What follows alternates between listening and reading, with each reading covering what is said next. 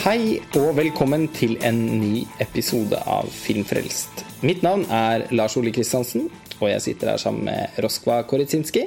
Hei, hei. Og i denne episoden så skal vi snakke om Et helt halvt år, eller Me Before You. Adaptasjon av Jojo Moyes eksepsjonelt suksessfulle roman, som har blitt lest av over 650 000 nordmenn. Den er jo på en måte da det man kan kalle for et fenomen. Og nå er jo også filmen i ferd med å bli det. Eh, Noen lyttere vil kanskje være overrasket over at dette er en tittel som vi velger å gi oppmerksomhet på Filmfrelst. Den har kanskje ikke så mye til felles med de mer sånn typiske autørfilmene og sånn som vi velger å vie oppmerksomheten vår til. Men det er noe et eller annet med at noen filmer blir så store eh, at man liksom ikke helt kan ignorere dem. Man blir selvfølgelig nysgjerrig eh, etter å se hva det er for noe. Hva slags historie er dette? Hva er det som gjør at det appellerer sånn? Hvorfor blir så mange så berørt av det? Og um, det var vel i hvert fall vårt utgangspunkt for å lage denne episoden. eh, At vi gikk og så filmen uten å vite noe særlig om den på forhånd. I hvert fall ikke for min del. Jeg må innrømme at på tross av at denne boken er så mye lest som den er, så har jeg ikke helt klart å oppfatte hva den handler om. Nei. Eh, Samme for min del. Det har jo vært et sånt begrep, Jojo Moyes, som hun heter. Eh, Hun ga ut denne boken i 2012, eh, og den har ligget på bestselgerlistene så vidt jeg har forstått, i flere år. 650 000 lesere i Norge, det vil si at ja, hver åttende person i Norge har lest denne boka. Det og det er babyer og uh, de med Alzheimer inkludert. Så det er jo ekstremt mange som har lest denne boka. Men jeg har heller ikke fått med meg eh, hvor appellen ligger, hva dette handler om, annet enn at eh, Jojo Moyes da selvfølgelig har blitt en ekstremt rik dame, blant annet. Som ikke er en luksus som er så mange forunt i forfatterbransjen. Eh, så det var morsomt å få et eh, innblikk i hva dette besto i. Ja, jeg må jo også si at jeg syns det. Eh, Det var en eh, spesiell kinoopplevelse. Jeg gikk Jeg gikk alene og så den på kino. Det vet jeg du gjorde også. Og eh, når man ser veldig mye festivalfilm eh, og type det jeg skal kalle for litt sånn autørfilm, så eh, er man jo vant til en type kinokultur som ofte er veldig sånn introvert. Altså at det er veldig få som uttrykker store følelser under visningen.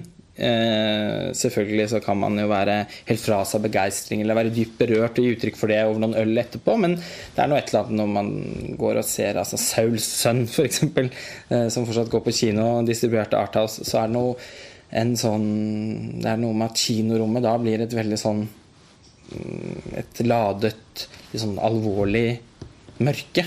Hvor man sitter og opplever den store filmkunsten.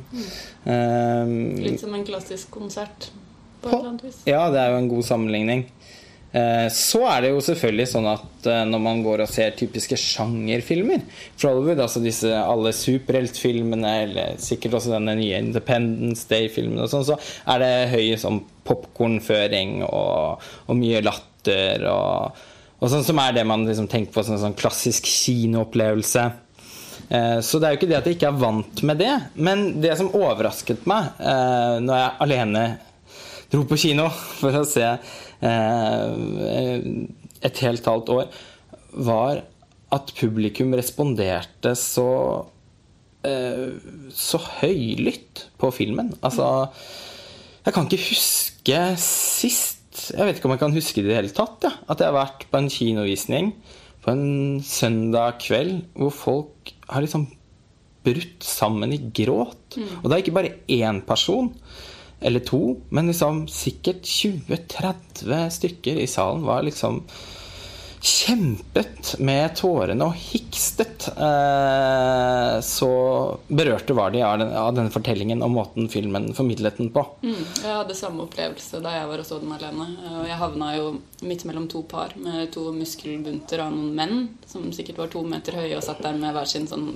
gedigne kartong med bacon crisp. Og jeg tenkte at ok, nå har liksom damene dratt med seg eh, mennene på kino for å sette i gang noen gode samtaler over rødvinen etterpå, gud vet hva. Litt fordomsfullt, sikkert.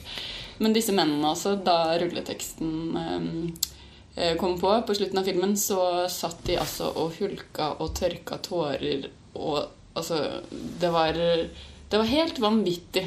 Og det var også under den visningen folk som gråt så høyt at det på en måte Det ljoma i salen. Ja. Det var klagerop, rett og slett, Ja. etter Jojo Moyes eh, et helt halvt år. det var helt vanvittig. Det var akkurat samme opplevelse jeg hadde. Og det, det gjør meg fascinert, og det gjør jo også bekymret. Ja, kanskje. Men det gjør også at jeg liksom får et Jeg må liksom omstille meg blikket mitt på filmen litt. Mm. Fordi dette er jo Jeg må jo bare innrømme det med en gang, at dette er en film som har veldig få av de kvalitetene som jeg er på jakt etter når jeg setter meg ned og ser en film. Eh, samtidig som eh, Ja, jeg skal ikke nekte for at den også gjør noen grep da, som, som er forførende, og som jeg har forståelse for at eh, mange Altså kanskje folk som ikke ser så mye film til vanlig. Eh, Det er noe et eller annet når man ser 400 filmer i året, så blir man jo gjerne litt mer blasert overfor en del mm, altså typ sånn konvensjoner, historiefortelling og sånn. At man tenker 'herregud, dette har jeg sett så mange ganger før'. Eh, Hvorfor er akkurat, dette, hvorfor er akkurat denne versjonen så sterk? Men eh, hvis man prøver å liksom legge vekk det litt, så kan jeg jo se at filmen ehm, på sett og vis fungerer. Men det kan vi jo snakke nærmere om. Vi, skal vi forsøke å si noe om hva den handler om? Vi møter jo denne Lou Clark, som spilles av Emilia Clark, kjent fra Game of Thrones som Daenerys of Targaryen. Eh, som er en eh, jente i midten av 20-årene. 26 var hun. Ja. Som bor hos familien sin. Ja, Hun bor sammen med moren og faren sin og søsteren og søsterens sønn. Eh, Og idet filmen åpner, så er hun ansatt på en litt sånn Amelie-aktig kafé, hvis det er lov å si det. Hun er også ganske. Amelie-aktig eh, som skikkelse selv. Eh, og får sparken fordi eieren da ikke har økonomi til å fortsette å drive denne kafeen.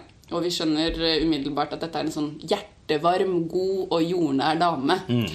eh, som liker å kle seg i prikker og farger. Og striper. Og striper. Ikke minst striper.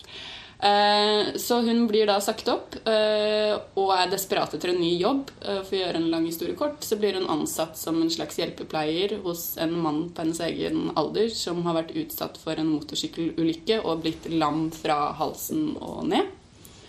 Og det er ikke noe eh, tegn til at han kommer til å bli bedre. Det kommer bare til å bli verre.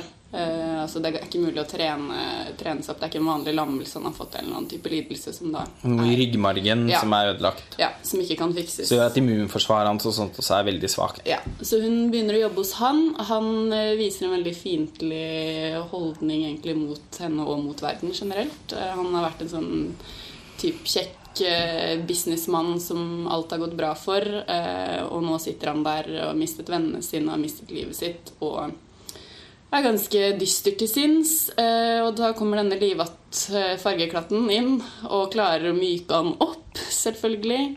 Og underveis i denne prosessen så får hun vite at han da har bestilt en Kan man si bestilt? Aktiv dødshjelp i Mm, ja, det er jo det han har. Det er det han har.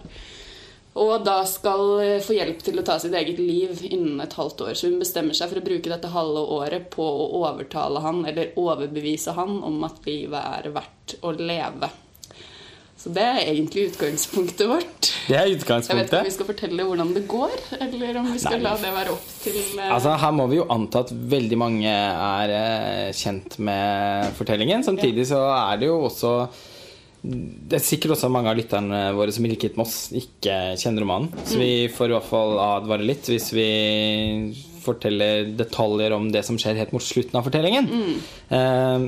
Men det er jo på en måte det som er premisset for historien. Ja. Og mye av filmen Altså filmen bruker veldig mye tid på å skildre møtet mellom de to. ja. Dette hele halve året. Ja. Dette halve året som blir så helt. Fordi de får det beste ut, finner det beste i hverandre. Og for det er jo ikke bare sånn at eh, hun Hun får, lager seg jo et prosjekt, da. At hun skal på en måte redde han. Ved å få han til å innse at livet er verdt å leve på tross av hans begrensninger. Men det er også noe med at han eh, byr på Det syns jeg er et av de mest problematiske elementene ved fortellingen. da Men han blir også en slags sånn mentorskikkelse for henne, fordi at han har vært så, så rik. Og egentlig, så, og suksessfull, så har jo han da liksom reist rundt i verden. Og har en helt annen type kulturell kapital enn henne, så han introduserer jo henne da for typ sjangerfilm. Fransk film.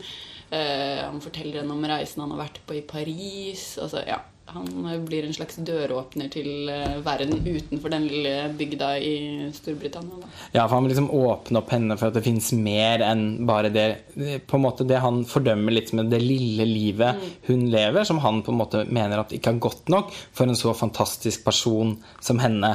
Så da, eh, som du sier, han, hun reagerer med en han, han forteller at han har lyst til å se en DVD-film. Og hun og sier ja, nei, jeg vil ha den uh, om guder og mennesker. En sånn fransk film. Eh, eller om guder og menn, er det vel det. Ja. Eh, og, og hun reagerer med en gang liksom, skal, vi, skal du se en, altså en film med undertekster? Ja, det har jeg aldri vært borti før. Å, hva? Sett deg ned og se den. Nå skal jeg gi deg en utfordring. Eh, og hun ender opp selvfølgelig opp med å elske den. Eh, han har vært rundt i verden og spist all den gode maten, sett alle de flotte utsiktene, forteller om Paris, som du sier. Eh, mens hun, får man inntrykk av, stort sett har tråkket rundt da, i denne lille britiske byen mm. og servert kaffe og kaker på den. og, og, og åpenbart også det er en Hun representerer veldig sånn tradisjonelle verdier. altså Hun er familiekjær, bor fortsatt sammen med foreldrene sine, bryr seg veldig om familien sin. Det, man får jo også veldig tydelig Altså det jo Hun forsørger dem jo også fordi Nettopp. Mm. faren har blitt arbeidsledig. Så det, er jo, det er jo hovedgrunnen til at hun takker ja til den jobben, og at hun blir værende der til tross for den motstanden hun møter de første, ja, den første måneden, eller hva det er for noe. Er jo nettopp det at uh, hun skal sørge for at familien kan betale husleia og ha mat på bordet. Eh, mens det er jo aldri et problem Will har stått overfor, som kommer fra på en måte den sånn aller rikeste familien i byen. Og de eier også et sånt fantastisk stort slott, kan Ja, man man si. må nesten si at det er et slott. Ja. Eh, Et, et gods eller et slott, mm. og, men tilhørende borg, som ser helt vanvittig ut. Altså, det er ikke noe tvil om Det er jo en slags klass, fortelling om klasse, Ja. dette her. Og Altså. hvordan de smitter hverandre. Altså hvordan han smitter henne med på en måte sin eh, erfaring av eh, verden som et større sted enn det hun har klart å forestille seg, og hvordan hun smitter han med på en måte det nære og ærlige og kjærlige og ekte. da. Viktigheten av de små tingene. Og begge kommer ut av dette selvfølgelig som helere mennesker på et eller annet vis. De, de gjør jo det. Ja. Eh, hva er det Men hva tenker altså, hva, hva er det som appellerer da i denne fortellingen? Du kan jo begynne med å si hva du syntes om filmen. Ja, jeg syns eh, det er vanskelig å ikke bli snobbete på et eller annet vis. Og det har vi jo snakket litt om før vi satte oss ned for å ta opp denne podkasten også. Eh, for det kan jo fort virke som åndssnobberi at man ikke skal like noe bare fordi alle andre liker det. Og er ikke dette egentlig en liksom rørende og meddrivende fortelling om det gode i mennesker osv.? Og, og det er selvfølgelig noe man kan hevde. Eh, samtidig så syns jeg at det er problematisk eh, Altså ganske vanskelige problemstillinger blir ekstremt forenkla. Og så syns jeg at det er problematisk med denne hovedkarakteren Emilia Clark. Mm. Nei, Lou. Lou, ja. hun Hun spilte Emilia ja. Clark. Mm, stemmer.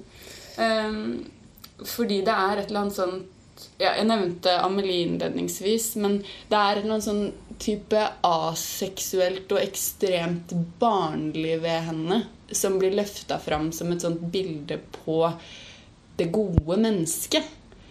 Eh, og det kjente jeg at eh, det har jeg litt problemer med, da. Eh, at hvis vi skal skildre på en måte dette møtet mellom den funksjonshemmede og, eh, og en kvinne som på en måte er villig til å se ham for den personen han er bak sykdommen eller lidelsen eller ulykken, eller hva man skal si, så er det liksom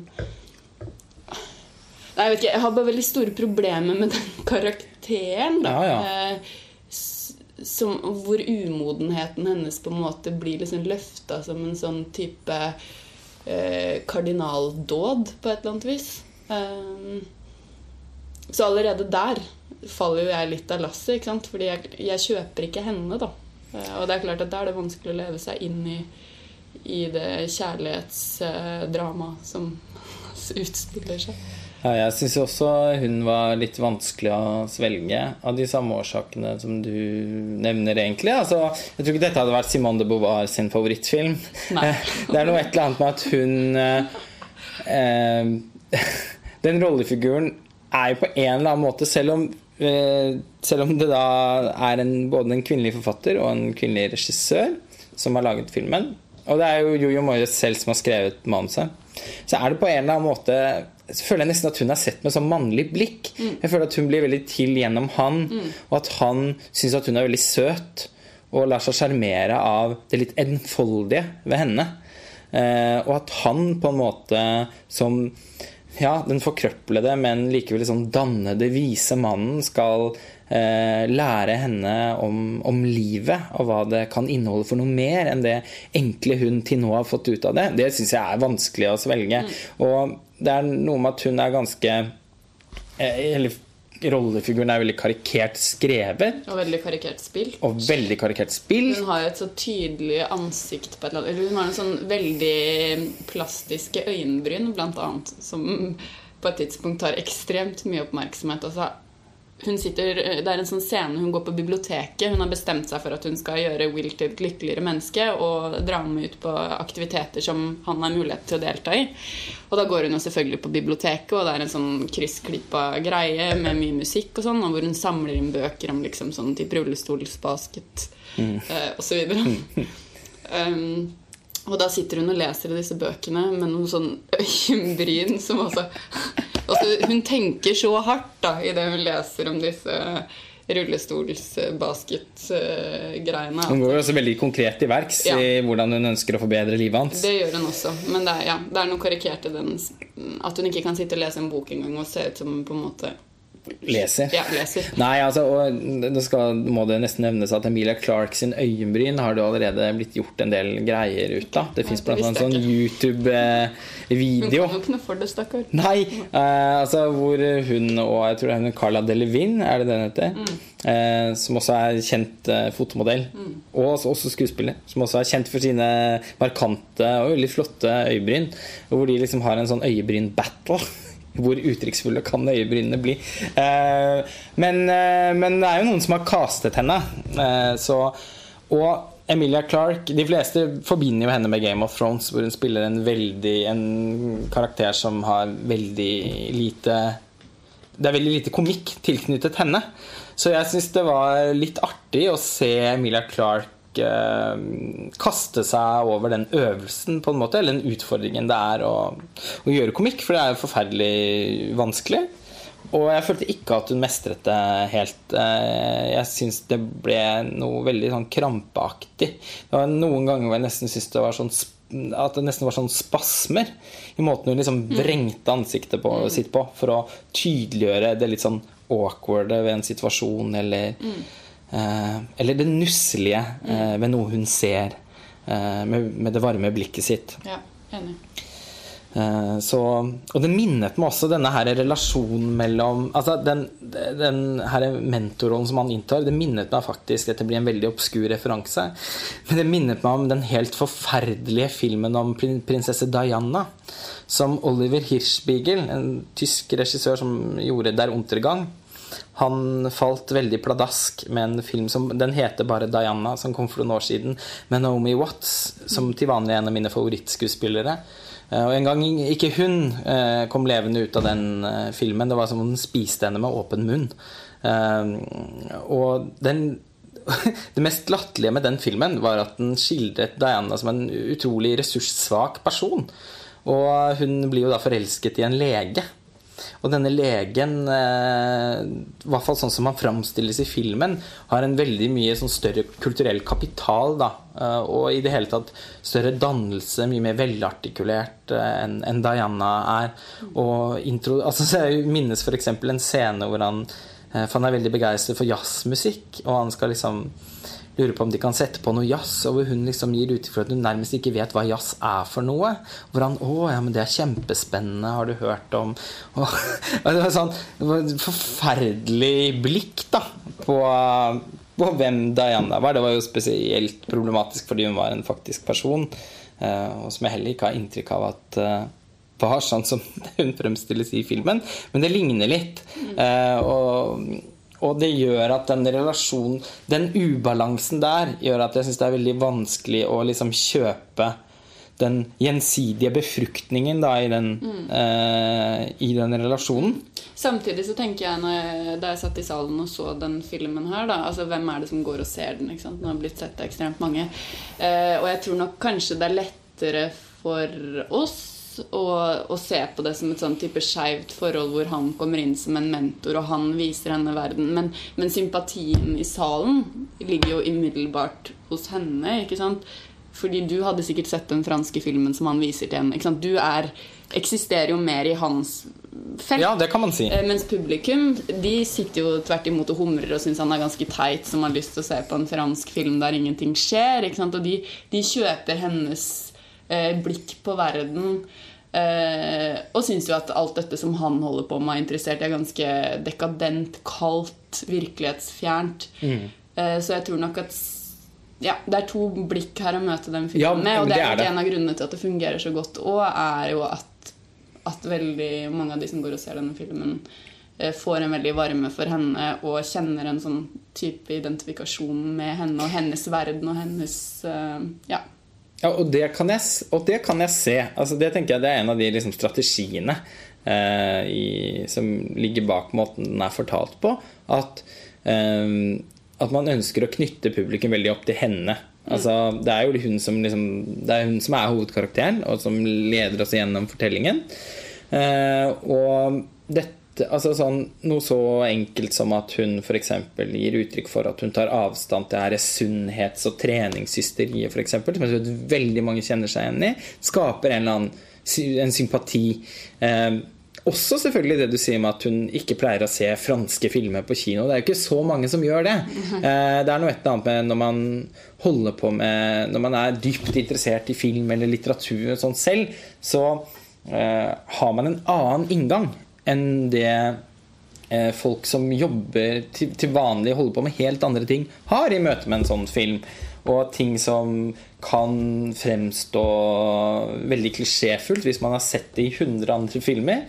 Eller 1000 andre filmer, for den saks skyld eh, trenger ikke å få den negative effekten på noen som kanskje ser den med et litt renere blikk. Da. Er, man må også huske på det at det er veldig mange som går på kino to-tre ganger i året. Mm. Og som ser de helt sånn store filmene som det blir veldig mye snakk om. Og dette er jo en av dem.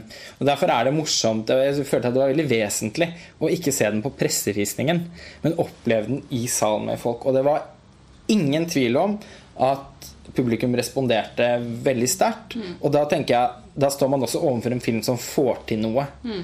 Og det er det vanskelig å snakke om her. Så jeg, mm. altså, hva er det den får mm. til? Um, ja, hva er det den får til? Kjemien mellom uh, de to hovedkarakterene. Altså mellom Emilia Clark og han Sam Claflin, mm. som spiller Will. Um, som, som da bare har et halvt år igjen å leve. Som han har planlagt selv. Den må jeg innrømme at jeg etter hvert trodde litt på. Jeg syns at de skuespillerne Selv om jeg hadde en del problemer med hennes tolkning av Altså med hennes tilnærming til komikken.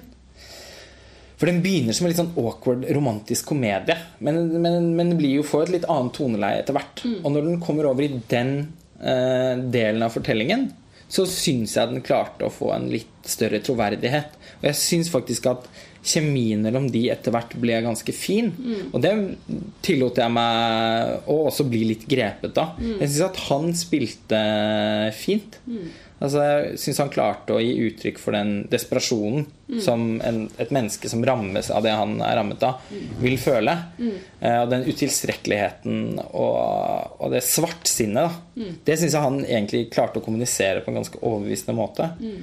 Og, og en del av de dialogene som etter hvert er mellom de to, syns jeg var ganske vellykkede fordi at på tross av at filmen er utilslørt sentimental, og på en måte i hvert fall fors forsøksvis skal eh, gå inn i tematikken, så syns jeg ikke den gjør det selv Det høres paradoksalt ut, for jeg sier jo også at jeg har litt problemer med en del av humoren her. Men på en eller annen måte så syns jeg også at filmen unngår å være selvhøytidelig. Mm. Ja, det leder meg inn på det jeg var i ferd med å si når du spør om hvorfor det fungerer.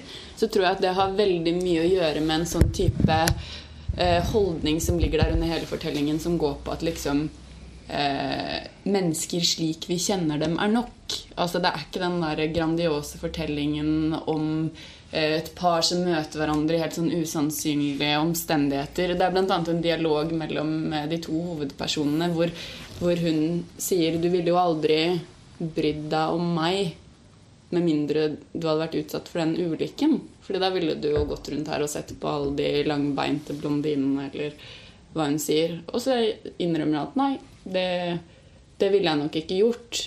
Men sånn ser nå ikke verden ut i dag, så det kan jeg liksom ikke forholde meg til. Og jeg tror det er liksom den type retorikken der. Eh, nå vet jeg ikke om vi skal avsløre slutten heller. Vi kan kanskje, ja, men Nå kan vi si at det kommer en spoileradvarsel. Ja, for vi må spoiler. nesten snakke litt om den slutten. Ja. Det ender jo da med at han drar til Sveits eh, og gjennomfører dette eh, assisterte selvmordet. Eh, så han dør rett og slett etter dette halvåret eh, og etterlater en del av formuen sin til Clark, sånn at hun kan reise ut i verden og Løsrives fra sin familie. Ja, det er en stygg måte å si det på, men ja, eh, underforstått litt det. Det er jo litt det han Ja. mener. Ja. Den- kultiveres, da. Um, og jeg tror det er noe med den derre Ja, den derre at det enkle mennesket og den enkle Altså, jeg tror at eh, Jeg kjente til og med at det fungerte på meg, da. For på et tidspunkt så trodde jeg at eh, at ok, nå kommer han til å angre på dette, denne avgjørelsen, og så kommer de til å leve lykkelig sammen og gjøre det beste ut av situasjonen. Men nei, han tar livet av seg. Og jeg tror det er akkurat de der små grepene der. Nei, kjærligheten var ikke nok til å redde dem, men det var kanskje nok til å åpne en ny dør for henne, og kanskje er også det kjærlighet. Altså, det er en eller annen sånn type jordnærhet i blikket på liksom kjærlighet. En litt sånn et skår i den der romantiske forestillingen man er vant til fra sånne type filmer. da Som jeg tror at kan ha en appell for folk. da Mm. Um, Ja. Altså, det er en oppløftende historie med et tragisk utgangspunkt. Og det er jo noe som man alt Altså Det store publikum har jo alltid vært trukket mot den type liksom motiverende fortellinger. Og, og, det, og jeg tenker at filmen, selv om jeg har totalt sett har ganske lite til overs for den, så gjør den ikke det noe dårligere enn mange andre filmer. Og også filmer som eh, har, har, altså, har en mer sånn innforstått anerkjennelse. Eh, så, så sånn sett så er det litt sånn rene ord for penga her i utgangspunktet. Men, men jeg må jo også si at jeg Ja! altså, nå var det jeg som la dette argumentet på bordet, men jeg kjenner at ja. Ja. Nei, jeg skal ikke avbryte det. Nei, jo, men det kan du godt gjøre. Nei, Det er bare noe med denne her type Jeg nevnte det innledningsvis, men jeg blir ikke helt ferdig med det. Det er noe med denne skildringen av henne som et barn som jeg ikke blir helt ferdig med. da. Det at hun eksempel er villig til å offre hele På et eller annet tidspunkt er villig til å offre hele sitt seksualliv for å ta vare på han. Det kan man jo skrive artikler om.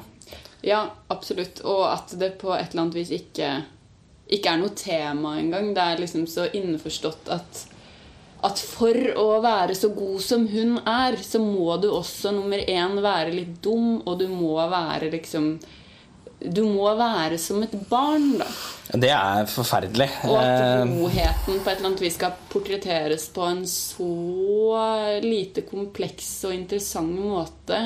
Og denne kvinneskikkelsen Nei, nei, jeg kjøper det ikke. Nei, det gjør ikke jeg heller. Men jeg altså, griper litt etter halmstrå nå, men jeg føler likevel at i kampen det er å forsøke å se filmen litt for hva den er, og hva den får til, så tenker jeg i hvert fall at det fins jo også altså opp gjennom filmhistorien, inkludert da ganske respekterte eh, filmfortellinger,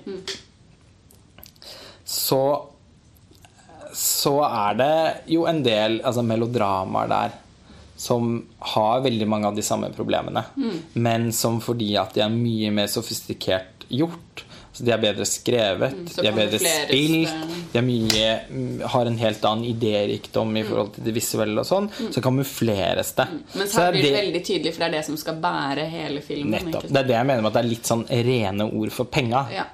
Altså Den forsøker aldri å liksom eh, skjule seg selv, eller gjøre seg selv mer eh, elegant enn det den er. Og det er ikke noe jeg setter pris på personlig, men jeg tenker det er, altså, det er i hvert fall verdt å nevne for, eh, for hva de har prøvd på. Og den slutten er jo underlig fordi eh, Fordi man nettopp på grunn av den Det snevet av noe troverdig, syns jeg, som oppstår i dialogen mellom dem etter hvert. Fordi at det er litt kjemi mellom de to skuespillerne. Så opplever jeg jo etter hvert at den kjærligheten da har noe litt reelt ved seg. Og da er det veldig underlig å få servert den slutten hvor hun eh, nærmest ser overlykkelig ut over å ha fått Snakker flytende fransk. Det snakker Jeg ble veldig imponert over Hun har aldri vært utenfor den lille bygda i England. Og så plutselig sitter hun på kafé og bare den uttalen Under er- hva et språkkurs kan gjøre i løpet av en sommer. Ja, det er en uke senere også, faktisk, får vi presisert. Hun har vært i Paris en uke. Hun snakker som en eh, innfødt. Ja, det er helt utrolig. Det er. Eh, ja. men, men det er noe med henne Hun ser jo ut som Hun er overlykkelig, og han har skrevet presisert i brevet at nå må du prøve å ikke tenke for mye på meg. Jeg vil at du skal være lykkelig. Og det er akkurat som hun liksom bare har lest det og tenker Ja, jo, men det, det, det, det rådet skal jeg følge.